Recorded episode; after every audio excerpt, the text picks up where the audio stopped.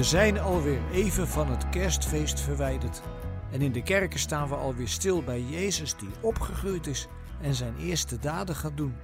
En ik vind de manier waarop hij dat doet in zijn woonplaats geweldig. Hij gaat volgens zijn gewoonte naar de synagoge en gaat voorlezen. Het Bijbelgedeelte dat hij voorleest is een stukje uit de profeet Jesaja. En daarmee geeft hij eigenlijk zijn visitekaartje af. Het gaat over het brengen van het goede nieuws aan armen, het verkondigen van vrijlating aan gevangenen, het herstel van het zicht bij blinden en het geven van vrijheid aan onderdrukten. En het eindigt dat er een genadejaar van de Heer mag worden uitgeroepen. Jezus maakt er helemaal geen show van. Hij heeft geen flitsende PowerPoint-presentatie. Nee, hij leest alleen maar deze teksten voor en gaat weer zitten. Maar natuurlijk waren alle ogen op hem gericht, want iedereen vroeg zich af: wat is dat toch voor iemand, die Jezus? We kennen hem nog uit de tijd dat hij bij Jozef in de werkplaats stond mee te helpen. En terwijl ze naar hem staren, spreekt Jezus de woorden uit: Vandaag hebben jullie deze schrifttekst in vervulling horen gaan. En die woorden zijn zo kernachtig en zo krachtig want daarmee maakt Jezus zichzelf bekend. Hij zegt onomwonden dat die profetische teksten van lang geleden van toepassing zijn op hem. Dan moet je wel sterk in je schoenen staan als je zoiets durft te zeggen.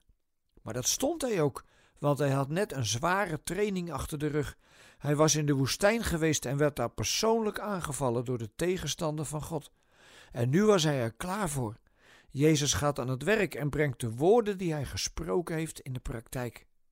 Hoe zou dat nu met ons zijn?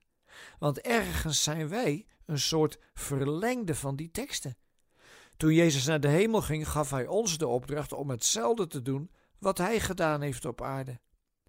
Leven wij zo dicht bij Gods liefde dat het visitekaartje van Jezus via ons bekendgemaakt wordt? Laten we daar vooral niet te grote woorden bij gebruiken. Je hoort wel eens mensen uitbundig zingen dat ze zich helemaal aan God geven. En dan denk ik: zou het echt? Ook als het je leven kan kosten? Er is een beroemde theoloog geweest die schreef dat het ons nooit zal lukken om ons helemaal voor 100% aan Jezus te geven. Dat komt omdat wij, zoals het officieel heet, onder de zonde leven. En zelfs als je mag weten dat Jezus je bevrijd heeft van je zonde, zelfs dan leef je nog steeds in die gebrekkige wereld als een gebrekkig mens. Ook als christen kun je echt niet de volmaaktheid bereiken. En dat hoeft ook niet. Het gaat er alleen maar om dat wij laten zien hoe krachtig God kan werken in onze wereld.